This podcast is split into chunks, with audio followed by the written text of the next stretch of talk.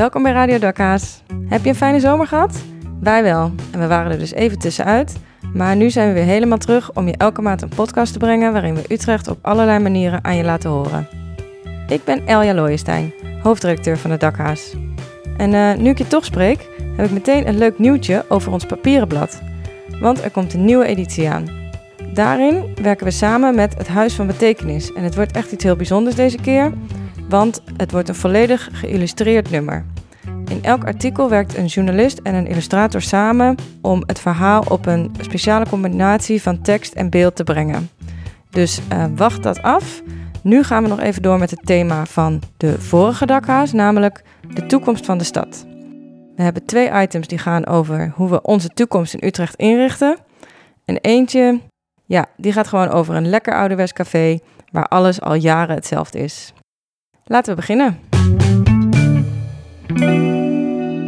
In de toekomst moeten we duurzamer met voedsel omgaan en niet zoveel verspillen. Dumpsterdivers doen dat. Zij duiken letterlijk de vuilnisbak in om eten dat bijvoorbeeld door winkels wordt weggegooid op te vissen om er weer een goede en lekkere maaltijd van te maken. Sterre ten Houten de Lange ging mee met dumpsterdiver Tessa op een illegale boodschappentocht. Tessa, ja, wat, uh, wat gaan we doen vandaag? Nou, we gaan vandaag naar Kanaleneiland en daar uh, halen we wat eten op bij um, ja, verschillende supermarkten. En daarvoor maken we op zondag altijd een heel grote maaltijd. Ja, en dat is allemaal van eten dat zou worden weggegooid uit de supermarkt. Dat, ja, dat halen wij uit de prullenbak achter bij de supermarkt. En uh, dat nemen we mee naar onze keuken en daar maken we een heel maaltijd van. En iedereen mag komen. Meestal komen er zo'n uh, 60 tot 100 mensen afval eten op zondagavond. En we zijn op de fiets en we hebben heel veel tassen mee. maar, ja. Dumpsterdive in Nederland is, het is illegaal om het te doen. Want het wordt gezien als uh, diefstal. Dus afval is nog altijd in bezit van degene die het weggooit. Dus als het achter de supermarkt staat, dan is het nog altijd eigendom van de supermarkt. En stel je gooit iets weg in het Wilhelmina Park, dat is een publieke ruimte. Maar dat afval is eigendom van de gemeente. Dus stel je neemt daar iets uit, dan is het diefstal van de gemeente. En daarop is het strafbaar. Dus het mag niet, maar ik weet wel dat veel mensen doen het wel. Of vanwege noodzaak of vanwege ja, een politieke overtuiging dat het bizar is dat er zoveel wordt weggegooid. Want hoeveel wordt er weggegooid?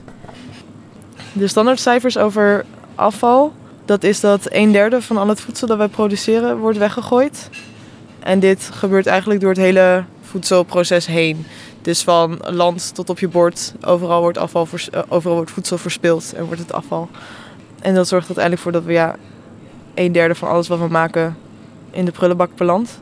Ja, en dit kan allerlei redenen hebben. Wat je veel ziet in Nederland is dat het vaak aan het einde van de voedselketen wordt weggegooid. Tijdens wanneer je uh, het al in huis hebt, dat je dingen weggooit uit je koelkast. Of dat supermarkten dingen weggooien omdat het over de, over de datum is. Of ja, omdat ze het niet meer kunnen verkopen omdat het niet meer mooi uitziet. Dat zie je veel bij groente en fruit.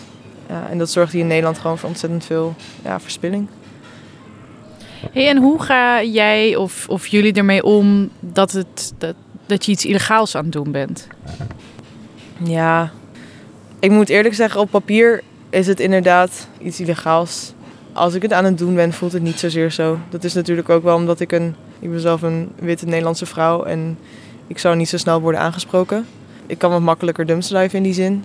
We hebben wel één keer gehad dat we naar een supermarkt gingen en dat de buren volgens hebben geklaagd bij de gemeente omdat ze het, uh, het zicht van mensen die dumpster diven, dat vonden ze niet prettig. Omdat het, het is uiteindelijk is het ook een gestigmatiseerd iets. Ik bedoel, het is ook een teken van armoede vaak. Of van uh, ja, dat er in Nederland toch ook mensen zijn die wel in de prullenbak ook soms moeten om eten te krijgen. Een heleboel mensen vinden dat ook niet fijn om te zien. Daarom staan ook bij grote zaken als de grote supermarkten staat afval gewoon binnen. Omdat ze ook niet willen dat mensen in afval zitten. Ook denk omdat het strafbaar is voor hun ja, dus dat hebben we één keer een klacht mee gehad. En toen uh, vroeg de winkeleigenaar ook van ja, uh, of we dat niet meer wilden doen. Omdat zij er problemen mee kregen. En ik denk dat het ook heel erg belangrijk is om dat wel te beseffen. Dat als je um, dumpsterdive die natuurlijk wel wat omhoog haalt. Van, ook voor een winkeleigenaar die dat to toestaat. Of die het gedoogt in die zin. Is natuurlijk ook gewoon een risico. Is het ook belangrijk om wel respectvol daarmee om te gaan. Dus um, het is heel goed als je gaat dumpsterdiven. Ik denk dat het altijd een goed statement is. Maar we denken ook van, wat betekent het voor de omgeving? Wat voor risico brengt een winkeleigenaar in? En dat besef ik me ook wel hoor. Als ik um, langs afvalbakken ga. Dat ik wel denk van oké ja, als er veel mensen zijn moet ik misschien het even niet doen. Of even wachten tot het weer rustiger is en dan weer verder gaan.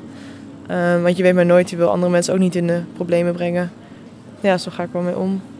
Ja, één keer, we hebben één keer dat een politie er langs reed, maar die heeft er niks aan gedaan.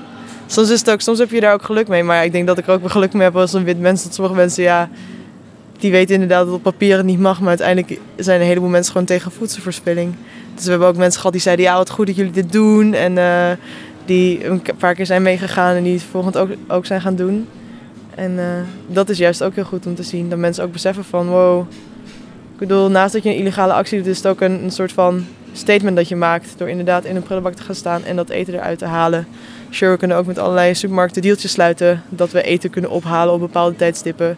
Maar voor ons is ook ja, het symbolische van dumpsterdiven is voor ons als groep ook belangrijk. Dat we ook laten zien van in deze prullenbak ligt nog een heleboel dat je gewoon kan eten. En waarom is dit zo? En dat is geen aanklacht tegen de supermarkt. Want zij zijn ook ja, een slachtoffer in die zin van een groter ja, consumptiedrang. Waarin we allemaal nette komkommers en nette paprika's willen hebben. Maar het is wel belangrijk om dat ook te laten zien van... Kijk wat hier gaande is. En doordat ik mijn lichaam in een vuilnisbak zet, ja, draag je dat ook uit. Ja, wat trek je aan als je gaat dumpsterdiven? Wat ik aantrek? Gewoon mijn normale kleren vaak. dumpsterdiven, dat zou je ook kunnen zien als een onderdeel van het systeem. Het is mogelijk omdat we dingen weggooien. Ja. Nee, dat klopt. Ik hoop ook dat dat op een dag het niet meer nodig is. Ik denk, maar ik denk dat iedereen die in dumpsterdive dat ook hoopt. Dat het is bizar dat een derde van het voedsel wordt weggegooid... terwijl er andere mensen ook gewoon honger hebben. En daar, daardoor een hele grote gezondheidsproblemen komen. Of mensen die gewoon geen eten kunnen betalen. En dat is ook gaande in Nederland.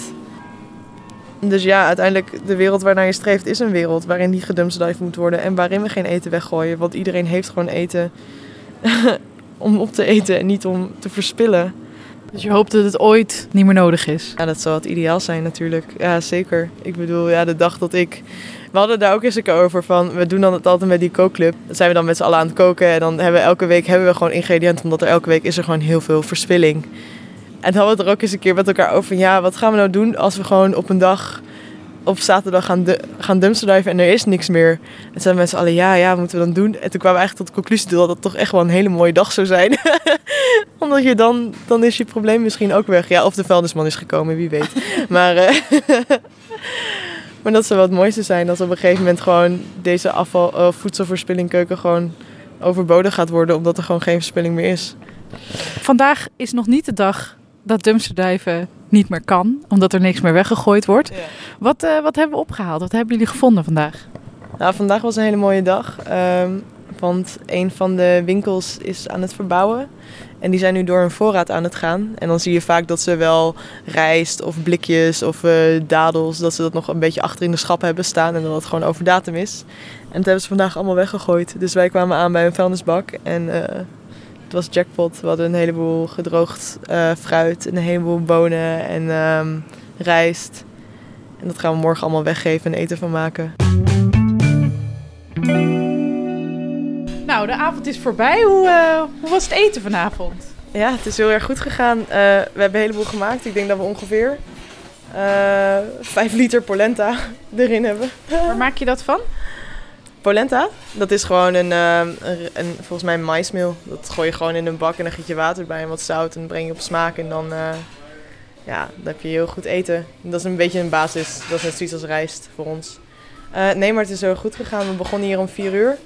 Um, zijn met een groep vrijwilligers gaan koken. En dan kijken we gewoon wat we hebben gevonden gisteren. En dan gaan we een beetje bespreken van... Oh ja, ik wil dit maken, jij wil dat maken. En zo komt het allemaal een beetje samen. We hebben ook niet echt een chef of een, ja, iemand die de leiding daar neemt. We doen gewoon wat, wat we leuk vinden. En ja, wat in gedachten komt dat we willen maken.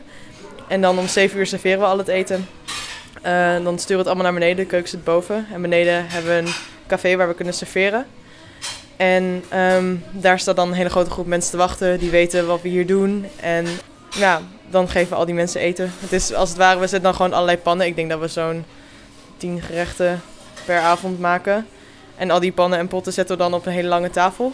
En volgens werkt het een beetje zoals zo'n ja, zo'n kantine. Mensen lopen gewoon langs in een rij en wij leggen gewoon eten op een bord. En dan krijgen ze een bord mee en dan mogen ze gratis voor donatie eh, mogen ze dat meenemen. En eh, we zien echt allerlei soorten mensen, studenten, oudere mensen, mensen van verschillende kom af. Ehm, ja, het is heel leuk om... eh, En was vanavond ook leuk? ja, zeker. Ja, het was echt heel erg druk, dus ik ben ook ook een beetje zo er doorheen zit. Maar we gaan nu nog even afwassen en daarna ehm, sluiten we de dag weer af. En dan is het volgende week weer feest. Dan gaan we weer door. Nou, hartstikke leuk. Dankjewel.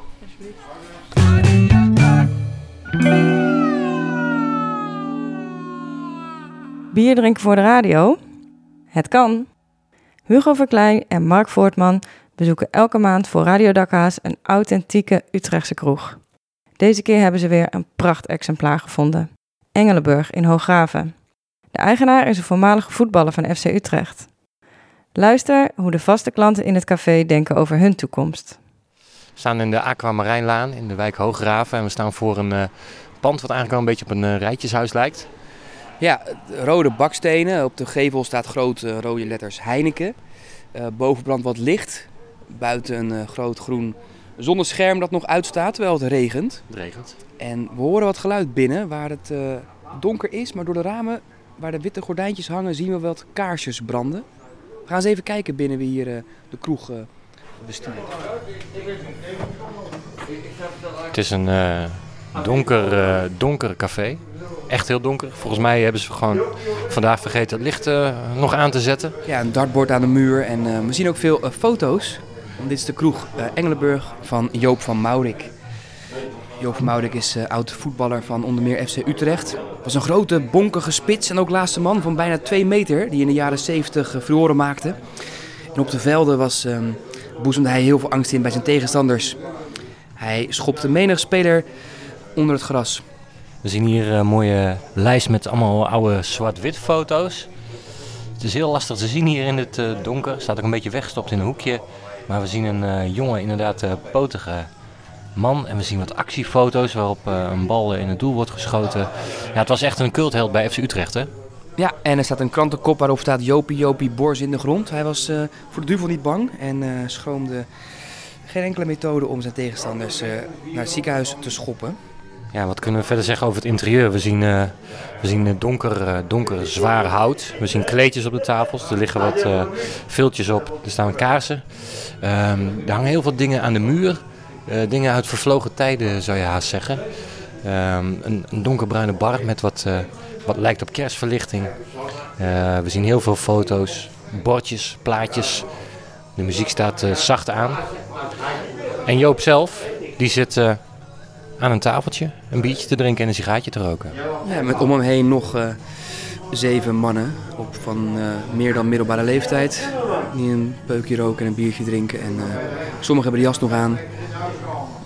Zitten lekker, zoals ze zelf noemen, in de huiskamer. We gaan eens even kijken of Joop wat te vertellen heeft. Joop van Mouwen, ik, zie al een eh, FC Utrecht bierveeltje, bierveeltje liggen op tafel. Een do- sigarendoos. De FC Utrecht sigarendoos. Stiefdochter, of mijn, mijn dochter eh, heeft dat gema- gemaakt voor mijn verjaardag. Want kunt u eens vertellen wat FC Utrecht eh, voor u betekent? Ja, heel veel natuurlijk. Ja, ik heb een leuke tijd gehad. Eh, ja, ik was blij dat ik eh, in Utrecht kwam. Want jarenlang was ik buiten de stad eh, aan het voetballen. Scheveningen, Amsterdam en noem maar op. En wat was u voor voetballer? Ja, nou, eh, dat moet je maar lezen in de, in, in, in de, in de krantje. Ik denk een, eh, een sierlijke linksbuiten, of niet?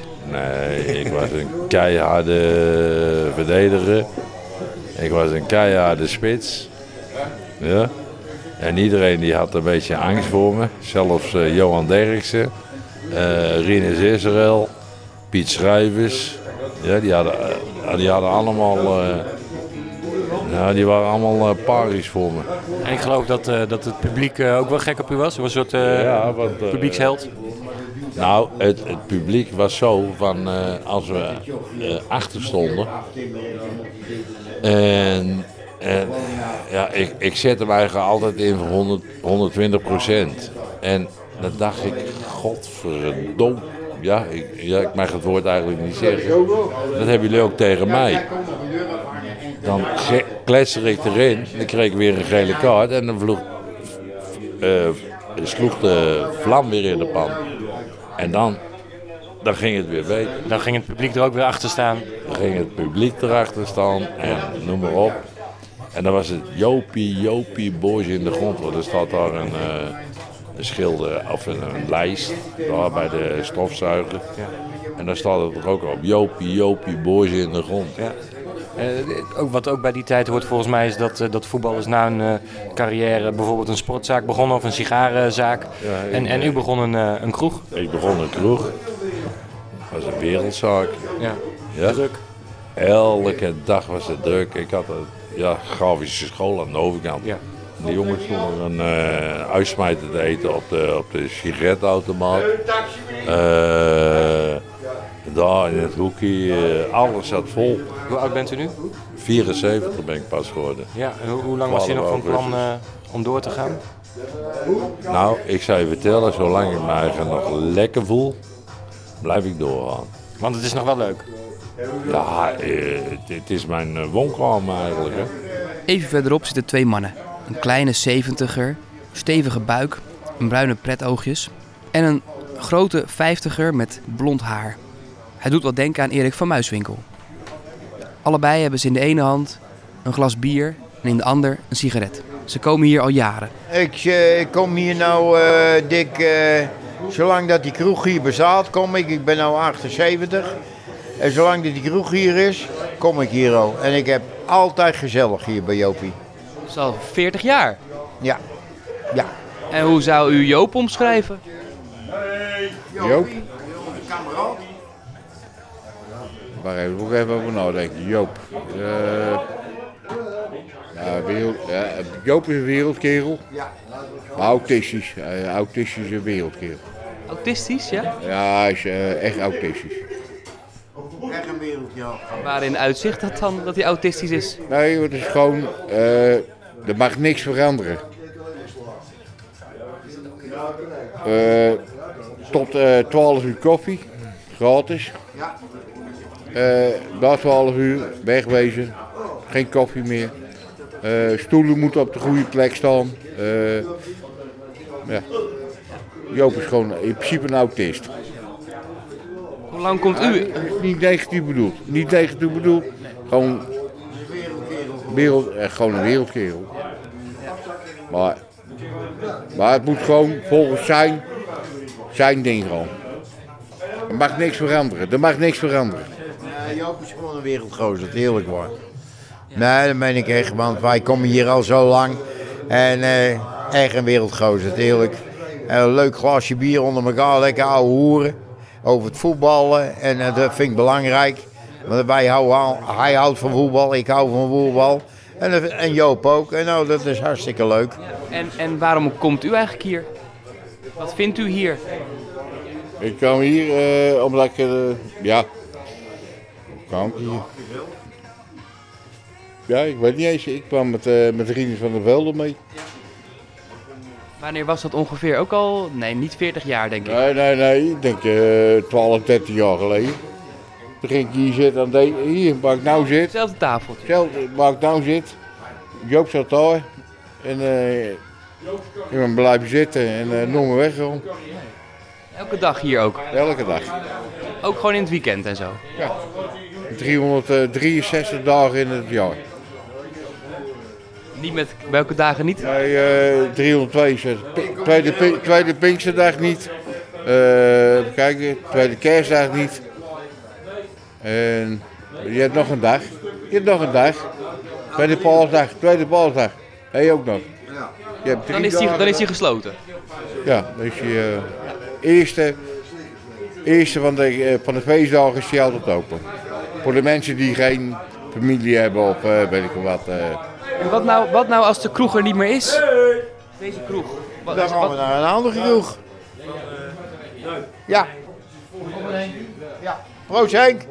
Ja, dan gaan we naar een andere kroeg. Maar Jopie blijft nou wel open hoor. Voorlopig. Ja. Ja, Jopie blijft nou wel een jaartje of twee, drie open hoor. Zouden jullie zonder deze plek kunnen? Ja, het zal wel moeten als die dicht gaat. Waar moet je anders naartoe? Dan gaan we naar een andere. eh, eh, ja. We zien het wel. waar die jongens allemaal komen, dan eh, sluiten wij ons bij een ander aan. Want voorlopig gaat Jopie nog niet dicht. Jopie blijft nog wel open.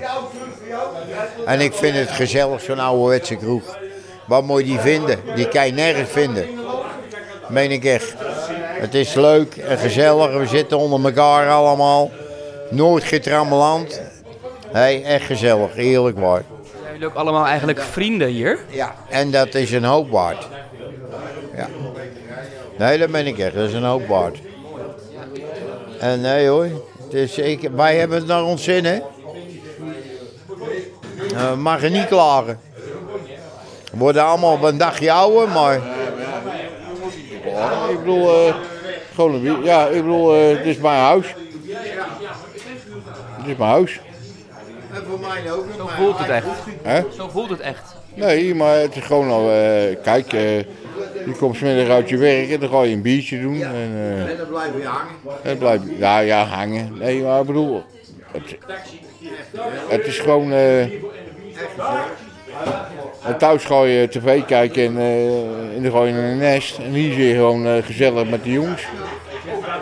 Kaartje leggen af en toe. En dat is belangrijk. Zoals morgen ook gaan, we kaartje, gaan de jongens een kaartje leggen onder elkaar. En nou, dat is hartstikke leuk. En eh, je moet elkaar eh, verwennen. Korte poosje dat we er nog zijn. Want Joop is ook niet zo jong meer. Ik ben ook niet zo jong meer. Ik ben 78. Ja. En ik voel me eigenlijk hier goed. Ja. Je bent wel een stukje jonger, denk ik, hè? 56. Geef me plat. Maar eh, je wilt er niet doodgewonnen in een studentencafé. Dan wil je niet doodgewonnen worden. Heel anders, hè, qua sfeer is dat. Nee, maar daar hangt geen sfeer. En maar ik bedoel, waar kom je nou een kroeg tegen waar je, nou ja, iedereen kent. Eh, je kent die, je kent die, je kent die. Je weet, eh, nou, die gaat daar zitten. Die gaat daar zitten. Eh, die zit daar, die zit daar. Die zit daar. Ja, als, je dood, als ze doodgaan, dan oké, dan gaat er iemand op de plek zitten. Maar in principe zijn alle plekken vergeven. Wat gebeurt er als iemand komt te overlijden die jullie kennen? Gaan jullie met z'n allen dan ook met de kroeg iets doen? Nou, daar gaan we heen. Ja. Ja, dan gaan we naar de begrafenis. Kijk, ze vrouw is laatst, ook- tenminste, een jaar geleden, jaar. Corrie is nou twee jaar en Ja, twee, twee maanden dood. Theo, zijn vrouw, en net eh, twee, eh, eh, twee maanden. En, en dan gaan we er allemaal met z'n allen heen. Makkelijk. vaste klanten waren dat. Ja, het zijn allemaal vaste jongens die eh, onder elkaar... eh, en, en, en daar gaan we. Wie er ook eh, niet meer is, daar gaan we gewoon even naartoe. Makkelijk zat. Echt een soort één grote familie lijkt het wel zo, hè? Nou, nou, het is geen familie, maar we kennen elkaar heel goed, hè. In principe is familie. Het is familie. Nee, duik, het is gewoon familie. Ik bedoel, eh, als jij niet komt twee dagen, dan bel ik je op en waar ben je, pik?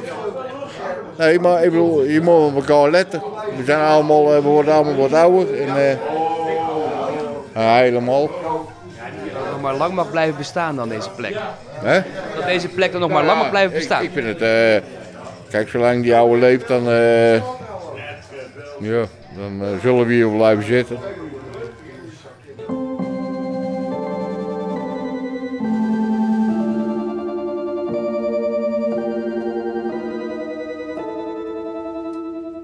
Susanne Thomas denkt veel na over haar eigen toekomst. En zij heeft zo die leeftijd dat veel mensen aan je vragen: "Eh, Wil je kinderen? Waarom wordt dat van vrouwen verwacht? En wat als je zegt: Nee, eigenlijk niet? Susanne ging te raden bij iemand die die beslissing heel bewust heeft genomen en daar heel goed over kan vertellen. Ik ben 35 jaar oud en mijn baarmoeder is dat ook. Als jong mens vond ik moeder worden nogal een vanzelfsprekende gedachte. En ik kende ook bijna geen vrouwen zonder kinderen. Waarbij ik vriendinnen van mijn leeftijd de afgelopen jaren heb zien transformeren in liefdevolle, empathische en krachtige moeders, is mijn kinderwens veranderd in een knagend gevoel van twijfel, met soms zelfs een afkeer aan de gedachte moeder te worden. En ik worstel daarmee om een aantal redenen. Allereerst is mijn lichaam de machine die een leven dragen kan, maar wel een met een houdbaarheidsdatum. Ik moet hier een keer een beslissing over maken. Ook vind ik de vanzelfsprekendheid waarop er van uitgegaan wordt dat je als vrouw een kinderwens hebt, ingewikkeld.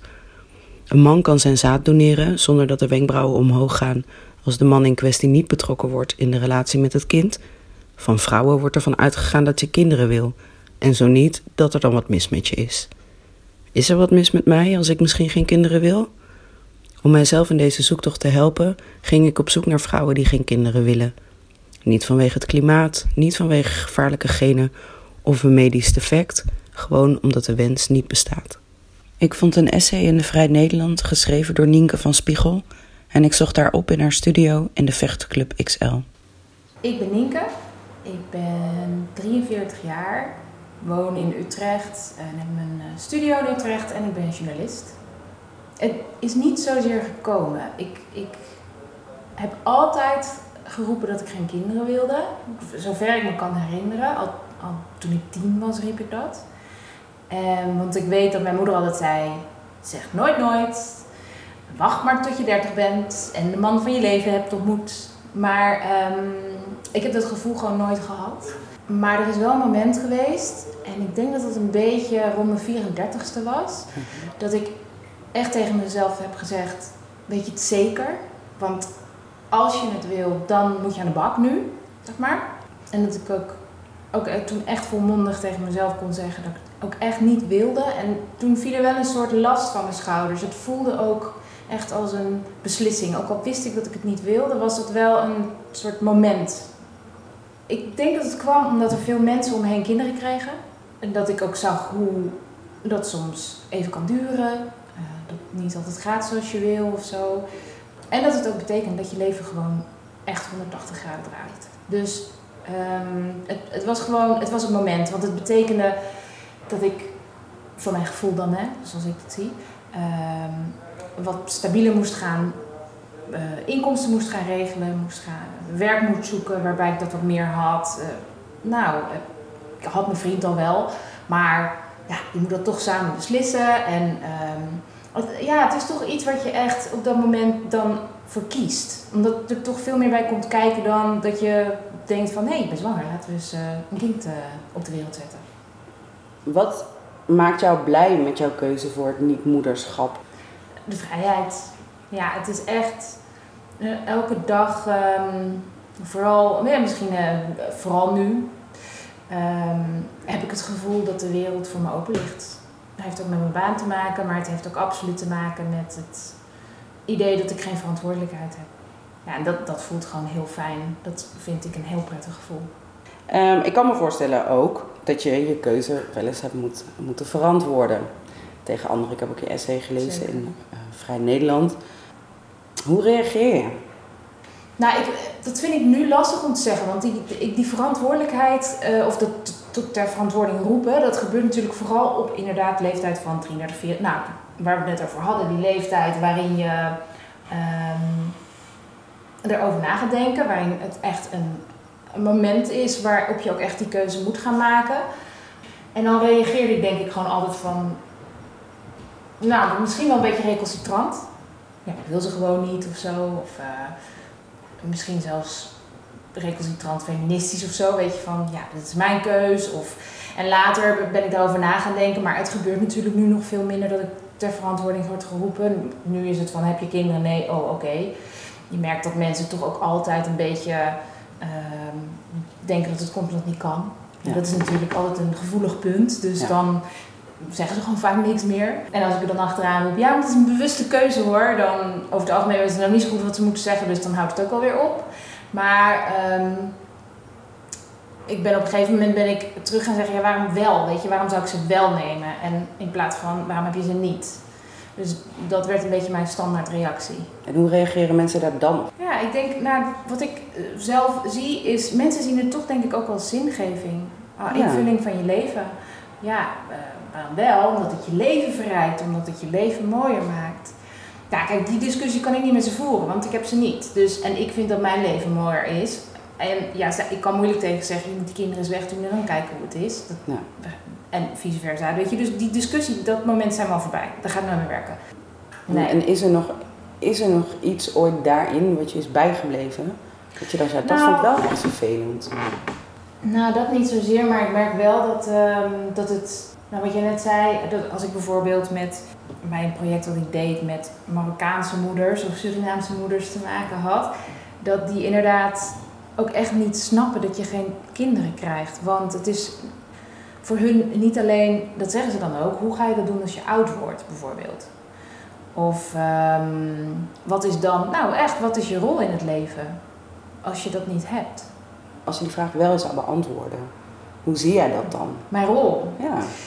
Dat was heel grappig. Ik had het daarover met een eh, filosoof voor dat artikel, wat ik, dat essay wat ik heb geschreven. En zij zei, ze gaf eigenlijk de vraag terug en ze zei, maar waarom zou je een rol moeten zoeken? Want als je dat doet, dan ga je, dan ga je ook weer in rolpatronen denken. Terwijl dat moet je dus niet doen. Je moet het juist loslaten. En nou, dat vind ik dus heel mooi. Dus gewoon het idee, je kunt een kind krijgen en je kunt heel heftig moeder zijn. Je kunt ook een kind krijgen en gewoon moeder zijn in de zorg, bijvoorbeeld bij de veiligheid. Je kunt, nou, je kan het op zoveel manieren doen en je kunt ook geen kind krijgen. En dat is ook allemaal prima. Maar wat ik wel hoop, is dat wat ik zelf wel zie af en toe in mijn omgeving, is dat er mensen zijn die eigenlijk niet per se, vrouwen, laat ik het zo zeggen, die niet per se een kind hoeven. En die toch door externe druk, laat ik het zo even noemen, en dan wel sociaal, dan vanuit de familie, kinderen krijgen. Of wat ik nu ook zie, meisjes, jongere meisjes die ik help met huiswerk en die slim zijn en die ouders willen het beste voor hun kind en ze willen dat ze gaan studeren en zo. Maar ja, je krijgt op een gegeven moment kinderen, dat hoort er gewoon bij. En dan word je moeder en een moeder is bij hun toch nog wel echt dat je dan thuis ook voor je kinderen zorgt en zo. En ik zou wel heel graag een voorbeeld willen zijn in de zin van het hoeft niet. Je kan ook gewoon sociaal en maatschappelijk geslaagd zijn en je prima een mooi leven en hopelijk straks gewoon niet eenzaam oud worden eh, zonder kinderen. Dat zou wel mooi, dat zou mooi zijn. Maar het liefste zie ik nog dat het helemaal geen issue meer is. In het essay las ik ook over dat die, dat die kinderwens, dat die eigenlijk helemaal niet bestaat. Nee, het is niet biologisch bepaald of zo, zoals wij dat eh, vaak zeggen. Ja, Ja. En, en wat je zegt, het is een vanzelfsprekendheid, maar ook die. En dan denk ik inderdaad, want ik heb een beetje hetzelfde, dat ik denk eigenlijk moet je gewoon vrij kunnen zijn om Ja. leven in te richten. Ja. In plaats van dat soort construct of dat frame waarin je soort geperst wordt. En dat vind ik, je ziet het op veel vlakken. Je ziet het met, eh, met trouwen, met monogamie, eh, carrière. Ja. Eh, ja, wat wil je eigenlijk echt? Maakt het eigenlijk überhaupt uit, volgens mij, dat je gewoon fijn, een fijn leven hebt? En niet met dat dat allemaal. Ja, dus ik, ja, ik herken wel wat je daarin, ja, dat je daarin zegt dat het gewoon. Nou, dat is, ik denk ook dat, want dat essay ging natuurlijk, eh, dat, eh, ja, zo werd het ook ingestoken. Ze wil geen kinderen en eh, wat is nou die rol dan als je niet een moeder bent. Maar mijn vertrekpunt was niet eens zozeer van ik wil geen kinderen, laten we daar oké mee zijn. Als wel, laten we niet meer die vrouw aan die moederrol koppelen. Want daar gaat het om. Het is, meer, het is eigenlijk veel feministischer ingestoken dan vanuit ik hoef geen kinderen en het is mijn probleem. Oh, dit is geen probleem, maar dit is mijn ding en niet jouw ding. Want wat ik wel zie is dat inderdaad precies wat jij zegt, die rol die is niet biologisch vastgelegd. Het is, niet, het is wel degelijk zo dat we een zorginstinct hebben. In de zin dat als we iets, dat als vrouwen iets zien eh, wat schattig en klein is en zo, dan gaat, het, dan gaat het, dat zorghormoon werken. Dus dan wil je graag zorgen en van daaruit kan dan zo'n kinderwens komen. Maar dat is niet, het is niet zo dat elke vrouw geboren wordt met eierstokken die op een gegeven moment gaan rammelen. Of een biologische klok die op een gegeven moment gaat tikken omdat het einde nabij is. Maar we hebben natuurlijk wel in de afgelopen 200 jaar in de beeldvorming, eh, zowel vanuit de kerk als, ehm, en dat vond ik ook heel interessant, die industriële revolutie, waarbij het ineens mogelijk was dat mannen naar de fabriek gingen en gingen werken. En dat de vrouw dus dan een zorgende factor thuis moest gaan vervullen. De, de rol van de zorgende persoon thuis, want dat was natuurlijk ook nodig. En dat we dus door beeldvorming die moederrol hebben gecreëerd. En dat we daar nog zo aan hangen, dat we het met z'n allen maar heel lastig vinden als een vrouw zegt: Ik heb een kind, maar ik ga wel vijf dagen werken. Dat vinden we allemaal niet kunnen. Nee, maar je gaat je kind niet vijf dagen in de opvang stoppen. Ben je helemaal gek geworden, je bent wel moeder. Dan denk ik, ja, weet je, wat, hoe wat, wat moeten wij daar nou over zeggen? Dat is, je moet dat zelf invulling geven. En we moeten daar ook gewoon, als we willen dat vrouwen gelijkwaardig met mannen worden getrokken, dan moeten we ook loslaten dat als ze wel een kind hebben, dat we ze dan dus in die moederrol drukken. En als ze geen kind hebben, dat we ze dan nog steeds eigenlijk raar vinden. Want dan voldoen ze niet aan het beeld wat we hebben van een vrouw. Daar ligt denk ik de basis. En dat is ook zo. Ik denk dat, ondanks dat ik een vrouw ben, dat het niet hoeft te betekenen dat dat automatisch is verbonden met moeder worden of met die moederrol. En ik denk als ik terugkijk op dit gesprek dat ik heb geleerd dat wat ik ook ga doen en waar ik ook voor zal kiezen en hoe het dan ook zal lopen, dat het sowieso oké is. Ik ben niet minder mens en ik ben zeker niet minder vrouw.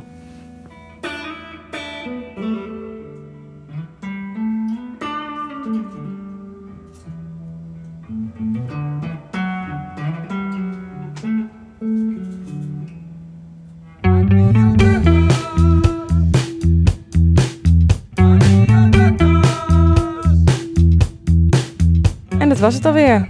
We zijn aan het eind van Radio Dakka's.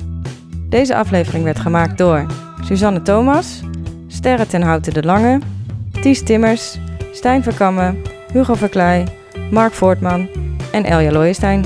En dat ben ik. De muziek was van Carpets. Wil je nou ook een keer meedoen naar Radio Dakhaas of iets anders voor de Dakhaas doen? Stuur dan gewoon een mailtje naar info.dedakhaas.nl En anders is wel het minste wat je voor ons kan doen ons liken op Facebook en Instagram, sterren geven op iTunes en mooie recensies achterlaten. Tot volgende maand!